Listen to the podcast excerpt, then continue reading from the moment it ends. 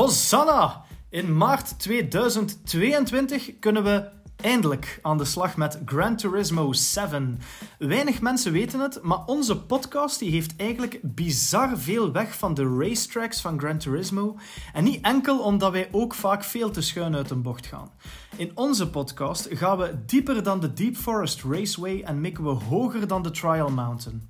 Onze Game Knowledge Valley die is deze week nog beter gevuld dan de Grand Valley Speedway, dankzij onder meer onze supersnelle oldtimer. Dag Praga.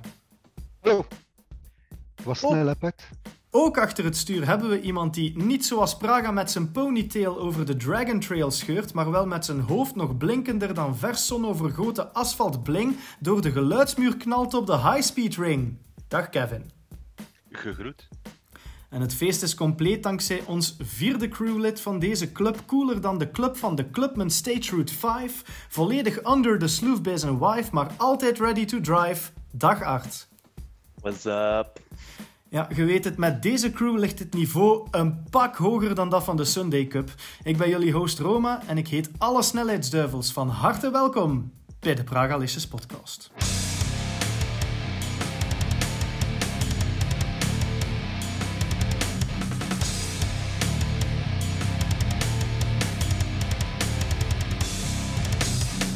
Geen vier gangen, vijf gangen of 38 gangen menu kan goed beginnen zonder een smakelijk aperitief. En daarom hebben wij, zoals altijd, een onderwerp gekozen waarover dat wij even willen lullen. Nu, het probleem is dat er de voorbije 14 dagen echt wel gigantisch veel gebeurd is.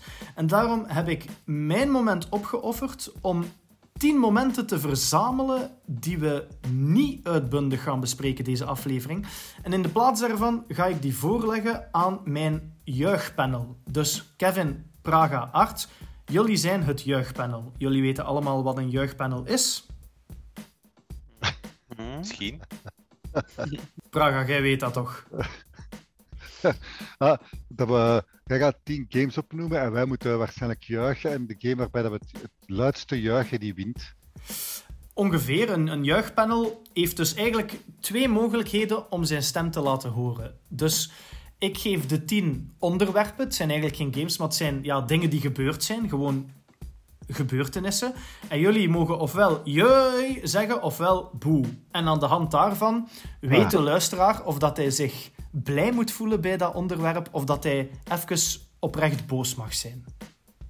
Yay. Dus- Yay, boe. Voilà, jee. Maar dat mag... Maar, ai, je moet dat nu nog niet doen. Je kan het eh, niet één keer ook doen ook. Jeugdpanel, zijn jullie er klaar voor? Yay. Yay! God of War Ragnarok heeft supercoole gameplay getoond in een awesome trailer. Yay. Yay! Insomniac Games werkt aan Spider-Man 2 met Peter Parker, Miles Morales en de awesome bad guy Venom. Insomniac Games werkt aan een Wolverine game en Wolverine draagt in de teaser trailer een awesome cowboyhoed. Yay. Yay!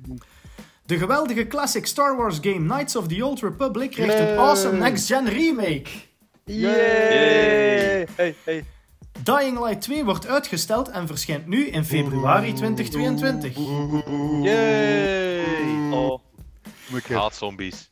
GTA 5 op Next Gen wordt gedelayed tot maart 2022 en dus moeten we nog een half jaar wachten om voor de 500ste keer GTA 5 te kunnen spelen.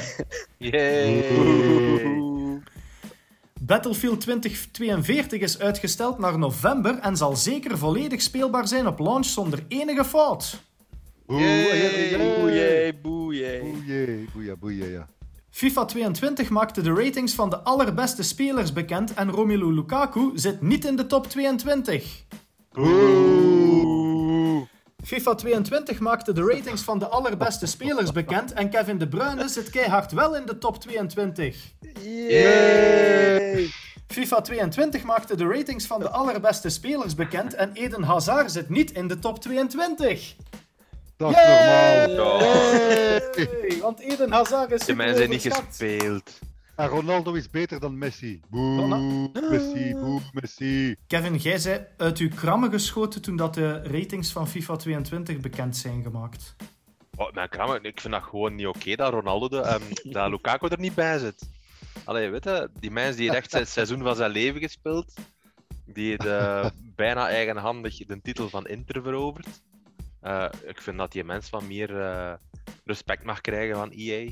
Dat is alles. FIFA is een beetje met uw aandacht gaan lopen, maar het heeft er niet voor kunnen zorgen dat al uw geilheid op iets anders gefocust was. Wat is uw moment waar dat jij het over even wilt hebben? Even, uh, ja, de, de, de, de wereld stond, het internet stond een beetje in brand. Hè. Uh, een paar weken geleden de, de trailer van Matrix Resurrections, dus de vierde Matrix, um, was uitgekomen.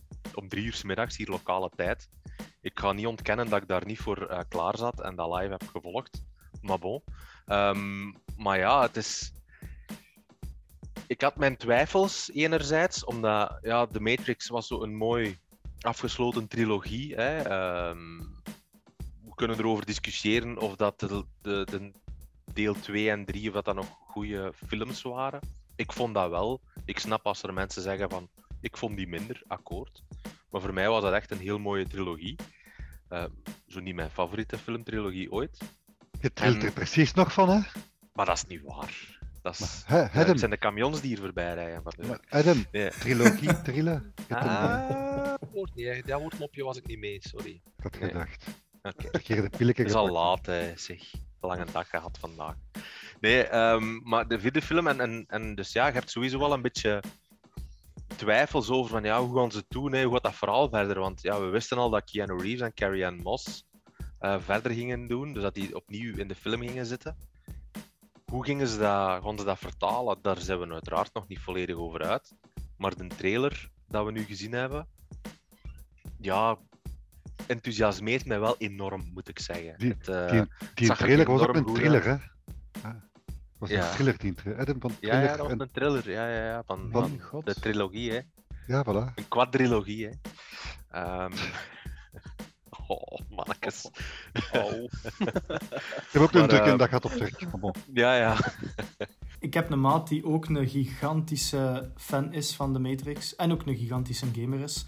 En de eerste keer dat ik de Matrix ooit heb gezien, dat is zo een van die filmen die, ik, uh, die mij altijd was ontgaan was in de cinema met hem toen dat ze die voor een event uh, in 4DX uitbrachten. Hè? Dus met geur, met water en stoom. En die kan letterlijk elke zin van die film meezeggen. En die deed dat dan ook zo'n keer of vijf om te stoeven. Dat was zowel fantastisch als verschrikkelijk. Kunde jij dat ook, Kevin? Uh, sommige scènes misschien wel, ja. Dat kan ik ook niet ontkennen. Maar ja, met als je een film 15 keren ziet, dan zit dat zo wel ergens in je onbewustheid dat je bepaalde zaken kunt meezeggen. Hè. Dus uh, nee, ik, nee, dat ik, is wel. Ik heb ook zo'n skill, ik kan bijna elke pornofilm meedoen zonder hem ooit gezien te hebben. Ah, dat is wel uh, dat is, dat is knap. Wat teksten ja. of... Uh... Ja, de teksten, het geluid en zo. Ja. Oh ja, ja. Alright. Als jij een pornofilm zou maken, Praga, wat zou het, uh, het verhaal in zijn? Ah, wel, Keanu Reeves Pak de blauwe pil. Langs achter. Uh... Dat is het waar dat natuurlijk. Maar zijn, zijn er blauwe pilletjes in de Matrix? Ik is enkel rood en wit. Ja, maar het zijn niet zo'n blauwe pilletjes als die seizoen die dat jij nog moet pakken, Praga. Dus, uh, ik, zeg, ik heb al gezegd, ik, ik, begrijp geen, ik begrijp geen hol van die films. Maar, dus maar rood en wit, er zijn ook geen witte pillen in de Matrix. Hè? Het zijn blauwe Nee, en rode. Het is, Het is gewoon niet, blauw en het rood. is niet de Matrix Antwerpen. Ah, er is een blauwe pil in de, in de Matrix. Maar ja, tuurlijk. Ah. De blue pill or the red pill? Ah ja, maar dat weet Praga, we zullen die wel eens samen kijken in de Matrix. Hè, en dan zal ik Ja, alles Ja, uitleggen. en, een keer, je moet een keer een Matrix weekend organiseren. Ik heb en dan lees je wat stukken voor uit het script van de Matrix en bekijken we die film samen en leg jij mij zo stap voor stap uit wat daarvan Ah, is. Perfect. En een barbecue. dat is goed. Acht. Zeg dus iets zinnigs. Yes. Eh, ik vermoed dat mijn, eh, mijn aperitief kunnen moeten, moeten voorstellen. Nee, of moet ik iets anders eens vertellen? Eh, nee, ehm slecht nieuws voor een van de grote mascottes van PlayStation, voor Sackboy. Ehm Sony heeft deze week aangekondigd dat ze alle community levels en alle community content van zowel Little Big Planet 1, 2, 3 als de Vita-versie eh, offline hebben gehaald. Eh, ja, het probleem is eigenlijk al begonnen in maart eerder dit, dit jaar. Toen verschillende content plots van het internet leek te verdwijnen en dat bleek omdat er daar DDoS aanvallers achter zaten, omdat dat uh, misnoegde, misnoegde ja, gamers waren die niet content waren met hoe dat Sony met de franchise omging. Uh, vervolgens ook wel hubere zaken zitten posten op die, op die community levels. En dus uh, ja, heel de boel offline haalt voor enkele weken. En nu heeft Sony dus officieel beslist dat uh, alle content voor zowel de PS3 als voor de Vita definitief offline wordt gehaald. Maar, er is een grote maar, al de content verschijnt naar de, of gaat liever naar de, naar de PlayStation 4 servers. Dus de content die niet meer beschikbaar is op PlayStation 3 en op de Vita, is wel nog steeds beschikbaar op de PlayStation 4. Maar ja, dat zal natuurlijk uh, wel worst wezen voor al de mensen die nog een, ergens een PlayStation 3 voor zoon of dochter in een, uh, in een kamer staan hebben. Uh, die dus wel niet meer langer aan de, aan de slag kunnen met, met het online gedeelte van de game. Op zich niet zo heel erg, het is nog iets wel meermaals gezien in het verleden. Dat de Sony of een ontwikkelaar plots beslist van, van de plug eruit te trekken. Maar Little Big Planet vind ik dat nu wel een hele speciaal, omdat ja, het online gedeelte van Little Big Planet was eigenlijk 70, 80 procent van de game voor mij. Uh, ik kocht Little Planet niet voor het verhaal, of, of ik toch niet, of voor, of voor, de, voor de Couch Cup, maar ik kocht het meer om, uh, om die community levels te spelen, en community levels te maken en, uh, en, en, die te sharen en van andere mensen uit te proberen. Dus ik vond dat wel interessant en ik ben wel teleurgesteld wel wat in uh, hoe dat Sony dat aangepakt heeft. Die gewoon beslist heeft van, van de plug eruit te trekken, rather dan een valabele oplossing te zoeken voor dat ding. Note also dat Little Big Planet mm -hmm. nog maar 7 jaar oud is, wat ik behoorlijk jong vind om er nu al de, de prijs uit te trekken. Maar ja, het is een moeilijk jaar geweest voor Sackboy en het komt er niet beter op. Praga doorbreekt de tristesse-depressieve sfeer met een tof nieuwtje. Ik heb heel goed nieuws van Band of Brothers. Nee, Brothers in Arms. Opnieuw. Ook. Alright. Ik heb heel goed nieuws, want uh, Brothers in Arms, een legendarische reeks van Ubisoft en Gearbox, die voor uren maakte tussen 2005 en 2014, keert helemaal terug. En waarom ben ik zo blij? Dat is supergoed. En waarom ben ik zo blij? Dat ik om te beginnen een hele grote fan ben, want alles wat met uh, Wereldoorlog 2 en de landing in Normandië te maken had, met games als Medal of Honor, Allied Assault, met Captain Dale Die, die de fans misschien kennen ook als acteur uit uh, Band of Brothers en Saving Private Ryan, maar vooral Captain Dale Die. Die heb ik regelmatig mogen ontmoeten. Dat was, een, de, dat was een ex-Vietnam-veteraan en die stond Ubisoft bij bij het ontwikkelen van die game om realisme en authenticiteit in de gaten te houden. En op elk event van Ubisoft was die gast aanwezig. was echt een, een supercoole, een oude menselijk al zeggen ondertussen, want dat is in de Vietnamoorlog het gevochten. Maar vooral wat ik zo tof vond aan, die, aan dat spel was, ja, het speelt zich in de Tweede Wereldoorlog, na de landing in Normandië. Ik ben die streek ook zelf gaan bezoeken.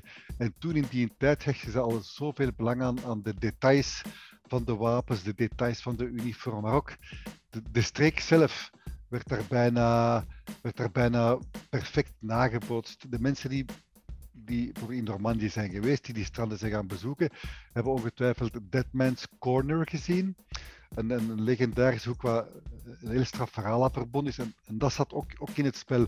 Ook de hagen allemaal, waar de, waar de, mensen, de teams zich achter verstopt, want het is een tactische, ja, tactisch Wereldoorlog 2 shooter.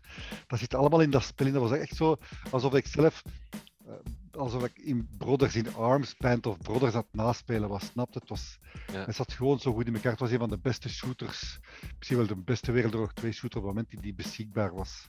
Zit je dan ook een, ergens een beetje hyped voor Hell Let Loose? De game die uh, volgende maand op ons afkomt. En volgens geruchten de PS Plus game van oktober zal worden. Ook een World War II shooter. Ja, op 5 oktober komt Hell Let Loose uit. Nu, het verhaal doet de ronde dat we het wel eens gratis zouden kunnen krijgen. Net zoals uh, Destruction All-Stars, wat ook een multiplayer game was, Rocket League multiplayer game en uh, Fall Guys multiplayer game. Dus de kans is heel groot. Nu, ik denk wel in het geval van uh, Hell Let Loose dat het misschien iets te hardcore is voor mij, maar ik zeg het als het dan toch gaat uitkomen. Op PlayStation 5 gratis zie ik geen enkele reden waarom ik het een keer niet zou proberen. Ik heb Destruction All-Stars ook gespeeld. Dat viel lelijk tegen, dus als het komt ga ik zeker proberen. Het is dan nog een maand tegen dat, tegen dat Vanguard uitkomt en een maand en een half tegen dat Battlefield uitkomt. Dus ik op zoek ben naar een keer iets anders Call of Duty om te spelen in afwachting van, dan ga ik het zeker proberen, ja. Deathloop is de nieuwste game van Arcane Studios, de developers die we kennen van onder andere de Dishonored reeks, Wolfenstein Youngblood en Prey. En uh, Deathloop is ook de hype van het moment. Uitgever Bethesda deelde op hun socials alvast met veel trots de enorm positieve reviews van de game. Heel wat kanalen gaven de nieuwe FPS zelfs een perfecte score. Vooral de innovatieve gameplay die geeft de doorslag richting de absolute top. En dat geeft ons een excuus om te praten over onze favoriete, meest innovatieve games aller tijden. Maar eerst praten we over Deathloop zelf. Art, jij mocht voor het tribunaal verschijnen, want jij hebt Deathloop ook een perfecte 10 op 10 gegeven op onze website. Verklaar uzelf. Yes, meer zelfs. Het is een, de eerste keer ever dat ik een game 10 op 10 gegeven heb. Um, en op vlak van mijn games ben ik eigenlijk zo'n redelijk rare Charles, want uh, zo de meeste games, al een God of War of een Last of Us of zo van die hele story-driven related games die, die zeer populair zijn, zeggen mij dan persoonlijk weer wat minder. Ik heb dus meer voor die, uh, die experimentele toestand, à The Witness en, en tijden een Borderlands, een Battleborn, dat soort dingen. Wat ding is natuurlijk met van die experimentele games, is dat ja, 80% van die experimentele games geregeld op een doos krijgen. Uh, en dit was ook zo'n experimenteel geval. Het concept leek me zeer boeiend. Uh, maar natuurlijk, ja, weten wat er in het verleden met experimentele games à la Battleborn gebeurd is.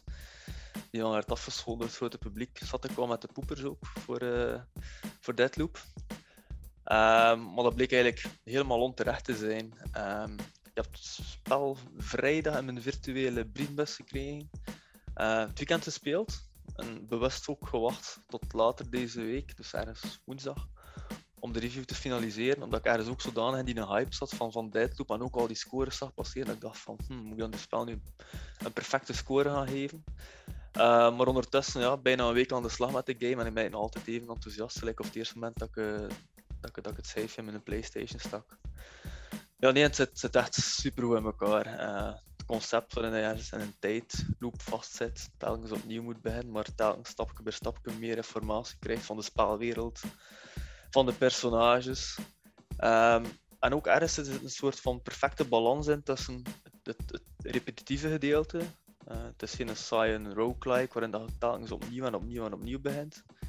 Um, maar het, het, het, houdt de game fris. Ook qua moeilijkheid, qua frustratie. Op het moment dat de game even dat je denkt van nu zit ik echt vast, vast, vast, is er net die ene hint die er, juist komt.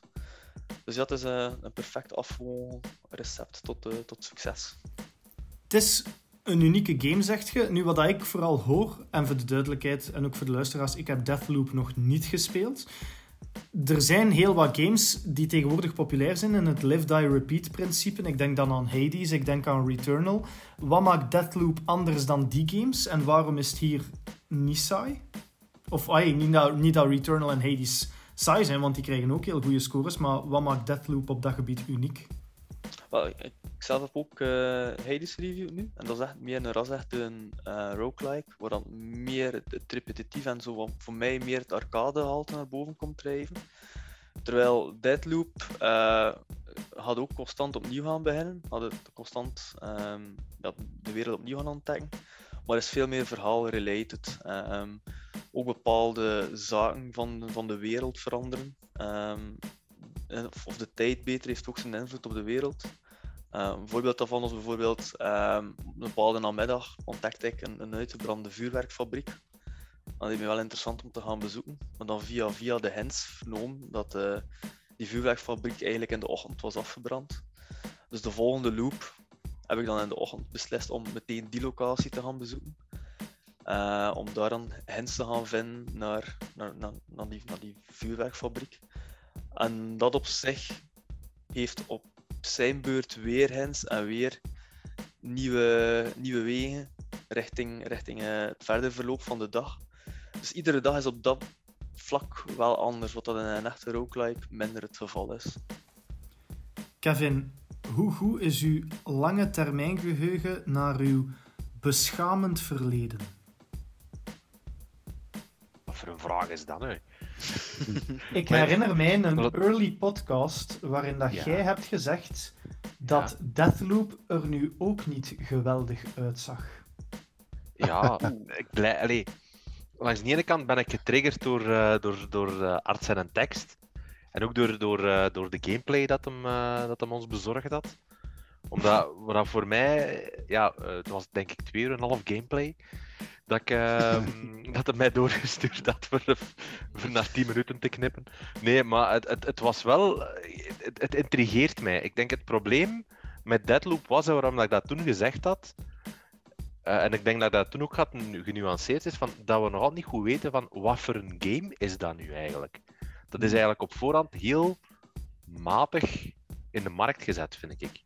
Dat was niet echt duidelijk van hoe werkt dat nu en hoe zit dat nu. En, en dat is zo beetje met beetje gekomen. En pas nu met, met de reviews en ook na het zien van de gameplay, vooral die humor is, is waanzinnig belangrijk, denk ik. En dat vind ik wel tof in een game dat er zo uh, goede humor in zit. En, en dat zit er echt wel in, in deze, heb ik de indruk.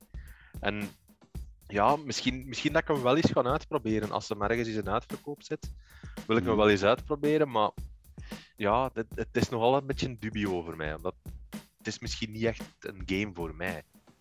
Er zijn natuurlijk in de geschiedenis van games al heel wat games geweest die enorm innovatief waren voor hun genre of voor de game-industrie in het algemeen.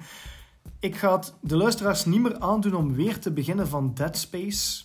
Alhoewel dat dan natuurlijk wel een game is die zoveel heeft betekend voor het horrorgenre. Maar Kevin, wat zijn voor u de games die super innovatief waren voor een genre of voor alles? super innovatief. Er, er, zijn er heel veel. Hè. Ehm, maar wat ik eigenlijk wel, wel heel uh, frappant vond, was eigenlijk uh, PUBG in der tijd. Die, die had eigenlijk van iets compleet nieuws. Uh, iets, iets, compleet nieuws gebouwd. Hè. Dat, dat, dat bestond niet. Zo met gigantisch veel mensen op één map spelen tegen elkaar.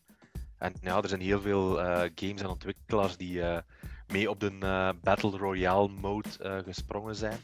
Dus uh, voor mij is dat wel een hele belangrijke. En ja, als jij over Dead Space mocht lullen, dan ga ik de Bioshock er nog wel eens bij halen.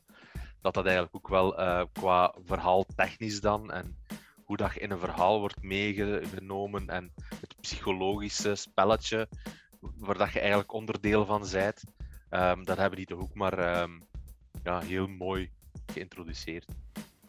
Praga, jij hebt in je leven ook wel al één à twee games gespeeld. Waaraan denkt jij zo bij de woorden innovatie en mindblowing voor de hele game-industrie? er zijn er heel veel, heel, uh, genre bepalend geweest, als ik dat woord mag gebruiken. En dan denk ik in de eerste plaats aan games gelijk als uh, Quake, Hexen en, en, en Wolfenstein en Doom uit de, uit, de beginjaren. En dan moeten zeker Pong als pionier er gaan bijhalen, bijvoorbeeld. Maar ik zeg het, ik zeg het een, game als LucasArts, uh, Outlaws wat betreft multiplayer, Unreal Tournament en Quake 3 Arena, die heel bepalend zijn geweest voor het multiplayer genre.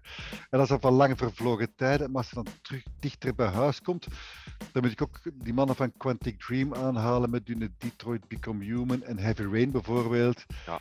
Uh, en alleen, je kunt elk genre heeft wel zijn, zijn genre betekenende game gehad waar dan andere ontwikkelaars het hebben geperfectioneerd of op een afgeleide van hebben gemaakt. En... Als je uh, Heavy Rain zegt en, en Detroit Become Human en al zo, dan moet je eigenlijk nog iets meer teruggaan naar Fahrenheit, als je dat nog weet. Oh, mooi, dat, is ook al lang geleden, vriend. Dat is ook al lang geleden, hè? Mm -hmm. Maar ik zeg, het is wat ik zeg, elk, elk jaar komt er wel een, een spel uit waarvan je zegt van, oh manneke, dat is super cool wat dat die doen met, met, met dat systeem. Ik zeg, dat moet, gast moet ik ze blijven opnoemen. Uh, toen dan Nintendo met zijn zwier- en zwaai-console kwam, de Wii. Hoeveel, hoeveel kastjes zijn er niet rondgevlogen in een televisie, in een vaas of in de ruit. Het wordt wat geperfectioneerd met de Wii U. En, en zo is, kun je voor elk genre, oh. elk platform, de, de, de Giro, was het Giro dingen? Gyroscoop. De gyroscoop. Mogelijkheden in de, in de PlayStation controller zien nu de haptic feedback van de DualSense met adaptive triggers. En zo is er altijd wel links de Move. Allee, er is de Kinect. Elke, de Kinect, dat is wel gigantisch geflopt, maar bon. Een beetje maar. Je, kunt een beetje maar, een beetje veel, maar.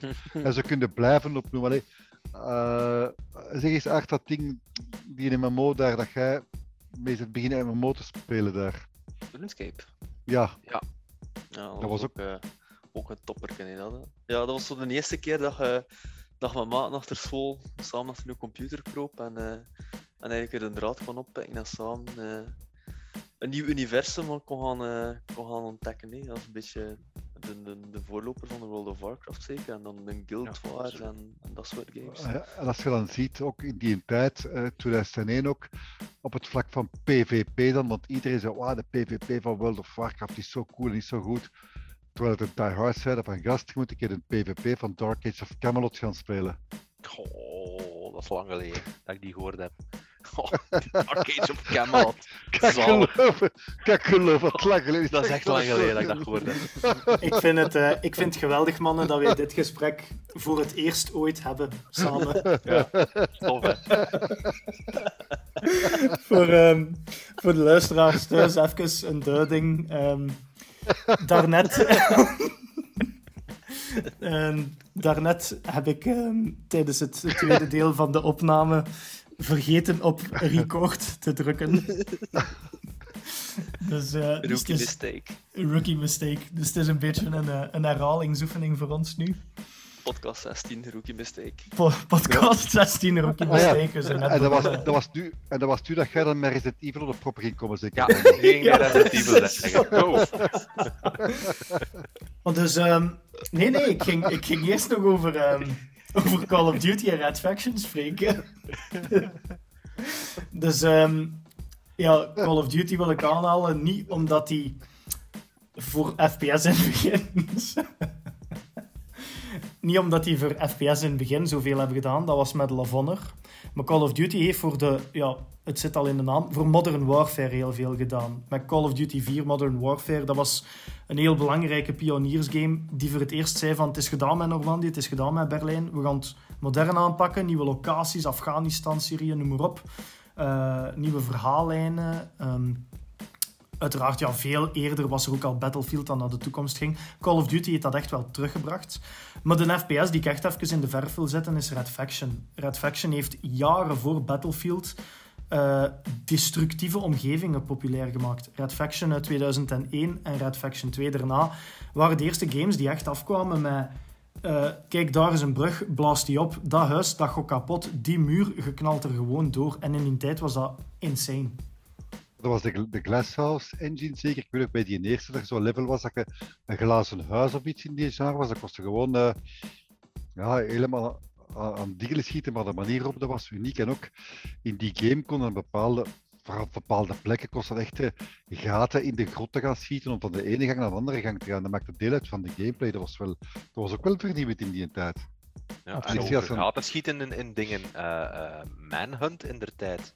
Oh, my Hoe god, was dat? Oh, Dat ik je die vingers kon afschieten van iemand. Dat zie je Ja. toch ook niet meer, hè? En dat je iemand kon vermoorden met een plastieke zak of met, met, met, met Ja. een stukje glas. Eh, Soldiers of Fortune. Sol- ik- Soldier of Fortune, ik ging het ook zeggen, Kevin. En dus, vooraleer dat de mensen denken dat wij zo goed kunnen acteren, het eerste stuk hebben we dus daarnet niet gezegd. Dus Manhunt en Soldier of Fortune zijn nieuw. Wat een game, Soldier of Fortune. Oh. Eh, Maar ook bij Manhunt kon kiezen tussen drie mogelijkheden: licht vermoorden, zwaar vermoorden en crapuleus vermoorden. En bij, bij Soldier of Fortune kon je echt bijna ledemaat per ledemaat gaan afschieten. Dat was, dat was Ja, ja. geniaal in die Bij de een was het en bij de twee konden echt zo naar vingers gaan en zo. Dat, je Ja, kon dat was, dat was, afschieten. eh, Dat was- waanzin. Dat was de tijd dat, dat je ouders absoluut dat niet mochten zien. Maar Nee. als je dan thuis kwam, dat je letterlijk geschoot iemand dood, maar dan ging je naar het gelijk. En dan begon je pas met je precisiewerk, als je maten toekeken. Hè. En dat zo, altijd, altijd de stilste van de klas die zo zei, schiet die, schiet die, schiet die zijn linkerbeen er eens af. Hè. Zo, zo van die dingen. dat was toen dat jij ze beginnen teabaggen, ook zeker in videogames. In, nee, in het echt. In. Nee, echt niet, echt niet, echt niet, echt Je haalde het er net al aan, Praga Resident Evil ging ik ook nog vermelden. Vooral omdat die dat niet ene keer hebben gedaan, maar drie keer en counting. Deel 1 was een nieuwe benchmark voor horror. Deel 4 heeft alles omgesmeten en was een heel grote inspiratie voor games zoals Dead Space. En deel 7 heeft het dan gewoon volledig opnieuw gedaan. Dus als er een reeks is die niet bang is om te zeggen van oké, we hebben een succesformule, we gaan er niet op voortbouwen, we willen een nieuwe succesformule, dan is Resident Evil wel. Waar gaat je de Silent Hill dan plaatsen? In dat rijtje?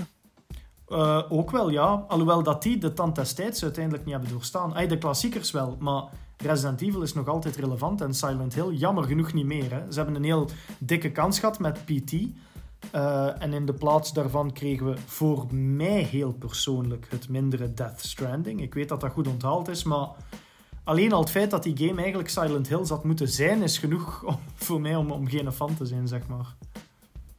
Maar Silent Hill is ook iconisch. Hè. Zelfs vroeger had ook Alone in the Dark. Dat was ook geweldig. Uh, maar, maar er zijn weinig horrorgames. Als je echt naar horrorseries op zoek bent, die in de jaren 90 relevant waren en nu nog, hoeveel hebben er dat volgehouden? Dat is, die zijn op één hand te tellen, denk ik. Hè? Absoluut. Er is er eentje jarig. Square Enix en Crystal Dynamics vieren de eerste verjaardag van Marvel's Avengers. En dat is lauw nieuws, want de game werd een jaar geleden ook zeer lauw en matig ontvangen. Toch is er sindsdien heel wat DLC uitgekomen voor de action-adventure game en hebben de developers net de roadmap getoond voor het tweede jaar. Onder andere Spider-Man DLC en allerlei cosmetics staan gepland. Avengers heeft natuurlijk een trouwe playerbase dankzij zijn wereldwijd bekende en geliefde naam, maar andere games die hebben minder geluk als ze op zoek gaan naar vergeving van de game community. Praga, gelooft jij in een tweede kans voor games na een mislukte launch? Absoluut. In het uh, Ubisofts grote, grote voorbeeld, uh, For Honor, bijna geflopt bij launch, heeft zich herpakt en is een van de populairste esports games out there. Uh, Warframe, een launch, games voor, een launch game voor PS4, ook niet echt succesvol bij de start. Kijk nu waar ze staan. Final Fantasy XIV online ook een ganse metamorfose ondergaan. Kijk nu waar ze staan. Bungie met Destiny en Destiny 2 toen onder het juk zaten van Activision. Het was als marionetten luisteren, dansen en springen zoals Activision het wou. Destiny kon niet op heel veel bijval rekenen in 2. Ze hebben gezegd, weet wel, Activision, we stappen af jongens, jullie plan. En ineens is dat een heel andere game geworden. En er zijn er waarschijnlijk nog tientallen waar ik nu niet kan opkomen direct de Division bijvoorbeeld, ook nog, nog, nog zo eentje. Ja, ik geloof er absoluut in. Als je blijft geloven in, je, in de capaciteiten van je spellen en als je kunt rekenen op de aanhang van een hondstrouwe community en naar de feedback luistert van, van die mannen, dan is dat absoluut zeker waar. Kevin, er zijn ook games gelijk Cyberpunk die ja, slecht gereleased worden op launch. Dan heb ik het natuurlijk op de PS4-versie die enkel op PS5 draaibaar is. En dan zit je met developers die maandenlang moeten blijven sleutelen om ja, van dat slecht iets een matig iets te maken. Dat is toch ook heel veel verloren moeite die beter geïnvesteerd zou kunnen worden in iets anders als dat gewoon werkt in het begin. Ja, absoluut. Ja. Um, maar soms, ja, kijk naar een Outriders uh, in der tijd ook. Dat spel was ook uh, de eerste drie, vier dagen onspeelbaar. Um, ontwikkelaars hebben daar alles aan gedaan om dat werkend te krijgen. En dus een, een, een redelijk succes. Uh, Oké, de ontwikkelaar weet zelf niet hoeveel exemplaren er nu ondertussen verkocht zijn. dat is ook een heel andere discussie en een heel raar, uh, raar gegeven. Maar uh, ja, nee, het is, het, is, het is een feit dat, dat, dat een, een, een volledige game bij launch dat werkt, dat dat een uitzondering is. Um, ik denk dat we allemaal nog wel weten uh, als RPG-fan hoe dramatisch de launch van Diablo 3 was. In de tijd, dat spel geraakte gewoon niet in. Um, met de fameuze error code 37. Uh, waar dat de meeste mensen nog altijd uh, koude rillingen van krijgen dat dat toen meegemaakt hebben. Maar ja, allee, Blizzard heeft het wel rechtgezet. En ook met, met een auction house, met, met een real, real money auction house, hebben ze een gigantische shitstorm over hen gekregen. Um, maar daar hebben ze, zijn ze wel zo man en vrouw genoeg geweest. Uh, man, vrouw of hoe dat je jezelf wil identificeren, uh, genoeg geweest om um, ja, dat aan te passen en te zeggen van kijk mannetjes, akkoord, ga gelijk, we gaan het eruit halen en we gaan gewoon een standaard auction house uh, inzetten. Dus nee, ik denk dat, dat, dat de zaak van een ontwikkelaar is luisteren naar uw community. En als een community zegt van kijk nee, dit zijn we niet mee akkoord, pas het aan of je bent je community kwijt. Art, tijdens de podcast die nooit gehoord zal worden omdat hij nooit opgenomen is, heb jij gezegd dat een tijd al lang voorbij is dat je een PS2-game mee naar huis kon pakken en dat je wist dat je het volledig product had. Is dat een goede zaak of niet? Uh, ik vind enerzijds van wel. En ik ben me ervan ook van bewust dat ik vandaag een dag een game koop. En vooral dan die MMO-achtige games in een, een, een, een Elder Scrolls Online of, of een, een Destiny. Dat je een soort fee betaalt, dus een soort abonnement pakt op een game en weet dat je eigenlijk een, levend ding in huis haalt. Een, ding, een game die groeit en waarin hij meegroeit. En gelijk ook Destiny, dat is een verhaal, dat is, dat dat dat is, dat is, dat een levend ding, dat is een levende planeet, levende wezens die er rondcrossen. Um, en ik vind dat op zich langs de ene kant wel, wel boeiend om daarin mee te gaan. Um, nu, al bij al, als we het hebben over comeback games, dan denk ik dat er een Godfather is op vlak van comeback games. En voor mij is dat de No Man's Sky. Hmm. Um, het is ook grappig dat hem deze hier ter sprake komt, staan in de, de aflevering waar dat er Deadloop uitbreid aan bod kwam. Maar dat was ook zo'n zo'n experimentele game waar veel mensen uh, met argusogen overwaakten van, uh, van, van, het concept van die procedural gegenereerde planeten en, en, en, een universum. En ook de, de belofte dat je samen zou kunnen spelen met, met je vrienden en met een online community, die dan achteraf gezien in 2016 totaal onwaar bleek te zijn. En dat was eigenlijk een echte flop. Maar ondertussen heeft Hello Games die game gepatcht, uh, gereleased, uh, gigantische extra content toegevoegd, gaande van, van een online luik, een dedicated next-gen versie, uh, nieuwe ruimtes nieuwe manieren om, om de game te spelen. En ja, uiteindelijk is No Man's Sky wel degelijk een dijk van een game nu, anno 2021. Uh, en ook ja, note dat Hello Games ondertussen nog, steeds het 26 ontwikkelaars bestaat die, die keer op keer die content gratis releasen ook. Dus voor mij is er op dat vlak één winnaar in comeback games en dat is zonder twijfel No Man's Sky. Een van de dingen waar ik zelf het heel moeilijk bij heb, is dat in de cultuur van vandaag dat er heel vaak met seasons wordt gewerkt. En bijvoorbeeld bij Call of Duty Black Ops Cold War, ik vind dat verschrikkelijk als ik level 80, 90, 100, 120 ben en dan speelde dat een maand niet en je keert terug naar die game om toch nog een beetje online te stoeven met je level en je zegt gewoon terug level 0 omdat er een nieuw season is, is. Blijft van mijn level cap Call of Duty. Alsjeblieft. Nee, met grote pupillen. Ja, ja. Wat zijn een frontale, frontale cortex. Cortex, ja. Ik heb daar vandaag van alles over geleerd. Over de, over de, de oerkwap achteraan die het dan stilletjes aan overneemt tot tegen het einde van de avond.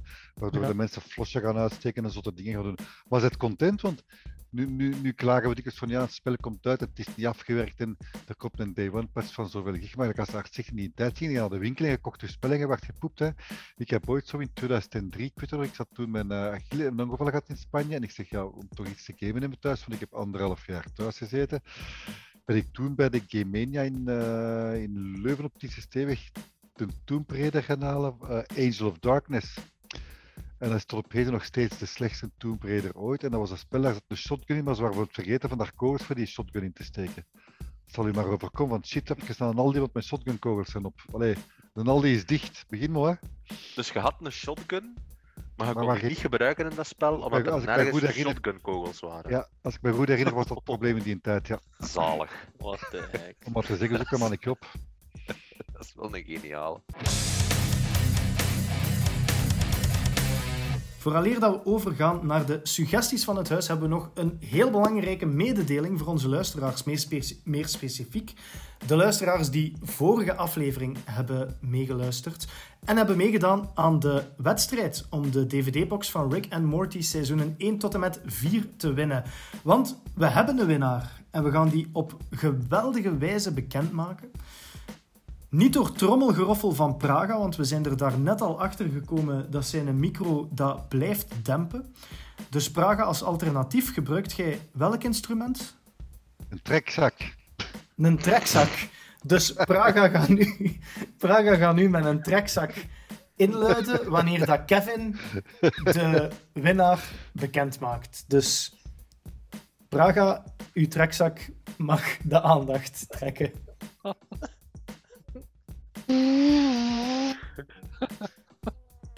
Uh, de, de, ja, micro, sorry. de micro doet dat. Uw mic ja. doet die trekzak ook weg. Pak een, een, een schuiftrompet. Een schuiftrompet, ja. Een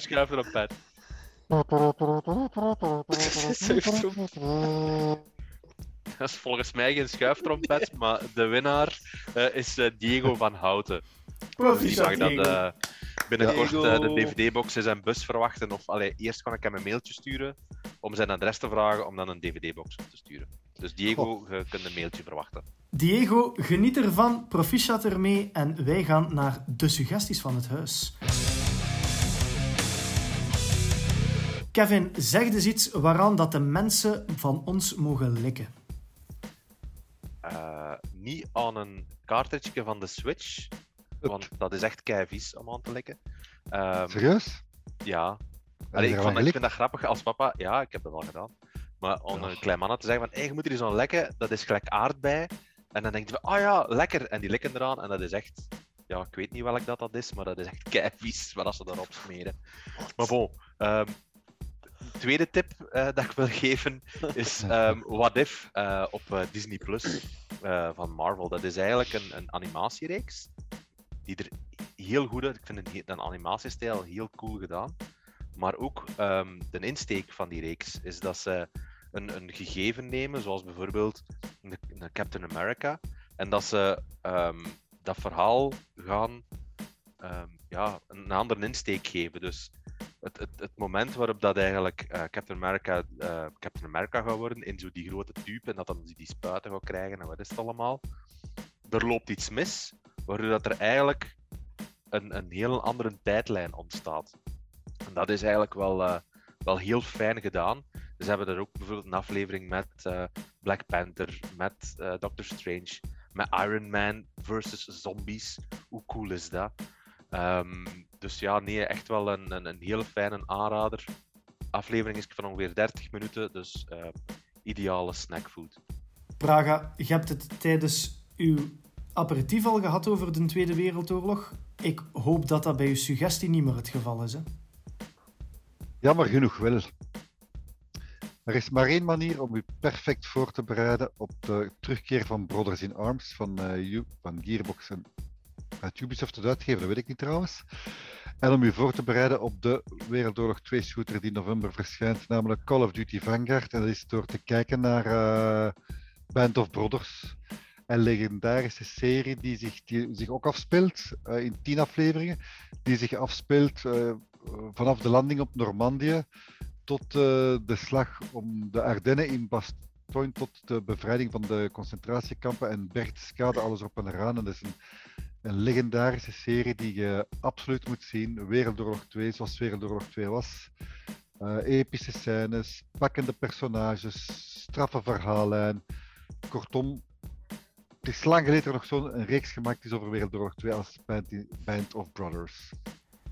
Ik pik meteen in op die suggestie, Praga. Bij mij is het ook uit de Tweede Wereldoorlog. Ik heb net een docu-reeks gezien op Netflix. Ehm, heel uniek getiteld Greatest Events of World War II in Color. En dat gaat over de grootste events in de Tweede Wereldoorlog in kleur. Nee, Ja, echt? Ja, ongelooflijk. Eh, nee, tien afleveringen gaat over de, het Ardennen-offensief, de bevrijding van Buchenwald, maar ook Hiroshima, eh, de slag bij Midway, Pearl Harbor. Eh, heel mooi gebracht. Er komen ook overlevers van de conflicten in beeld, van beide kampen, ook eh, Japanners bijvoorbeeld. Ik vond het een heel mooie inkijk, vooral in hoe gruwelijk dat de mens kan zijn, jammer genoeg. Maar het is een heel knappe serie. En mede door die serie heb ik nog veel meer goesting gekregen in Call of Duty Vanguard. En dan vooral in de singleplayer campaign. Omdat, en dat is misschien een, een retro-tip, alleen retro, het is drie jaar, vier jaar oud. Call of Duty World War II, de vorige game van Sledgehammer, de vorige COD van Sledgehammer, had een geweldige campaign. En als ze dat opnieuw kunnen brengen. Ja, mensen kopen COD niet vaak voor de campaign, maar ze is bijna altijd de moeite. Art, take it away with the last suggestion of the day. Well, as you may or may not know, ben ik een zowel actieve als passieve wielerliefhebber. Eh, sinds een week of twee is er van een heel interessant programma op, eh, op één, namelijk De Tijd van Ons Leven. Eh, en dat is een programma waarin dat, Otto Jan Ham en Elodie Ouedraogo ehm eigenlijk van absolute fiets-nitwits proberen om te scholen naar professionele tijdrijders. Ehm, en eigenlijk de hele bedoeling van het programma is eigenlijk dat ze in een jaar tijd zich omscholen tot professionele tijdrijder. En ook deelnemen aan het wereldkampioenschap tijdrijden, die nu zondag plaatsvindt hier in West-Vlaanderen. Met als enige doel niet de laatste te arriveren. Dus het doel van het programma is eigenlijk van uh, twee BV's op te leiden tot professionele tijdrijders. En uh, ja, zondag zullen we van de apotheose zien, denk ik. En zien als ze het al of niet, uh, niet halen, denk ik. Dus, en ook al ondertussen bekijken op 14 nu. Een aanrader.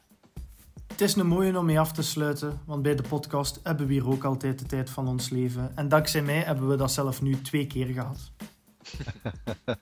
ja. En zo is dit level weer volledig completed en alle mission requirements zijn volledig fulfilled. Met andere woorden, de aflevering zit er weer al op. Ik dank iedereen om te luisteren. En als jullie eerdere episodes van onze podcast willen horen, dan kan dat via Spotify, YouTube, Apple Music en bijna elke mogelijke bestaande podcast-app van de planeet.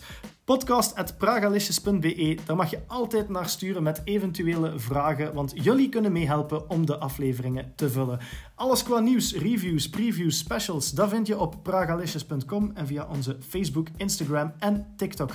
Binnen twee weken dumpen wij een nieuwe Delicious Gaming Koffieklets. Tot dan!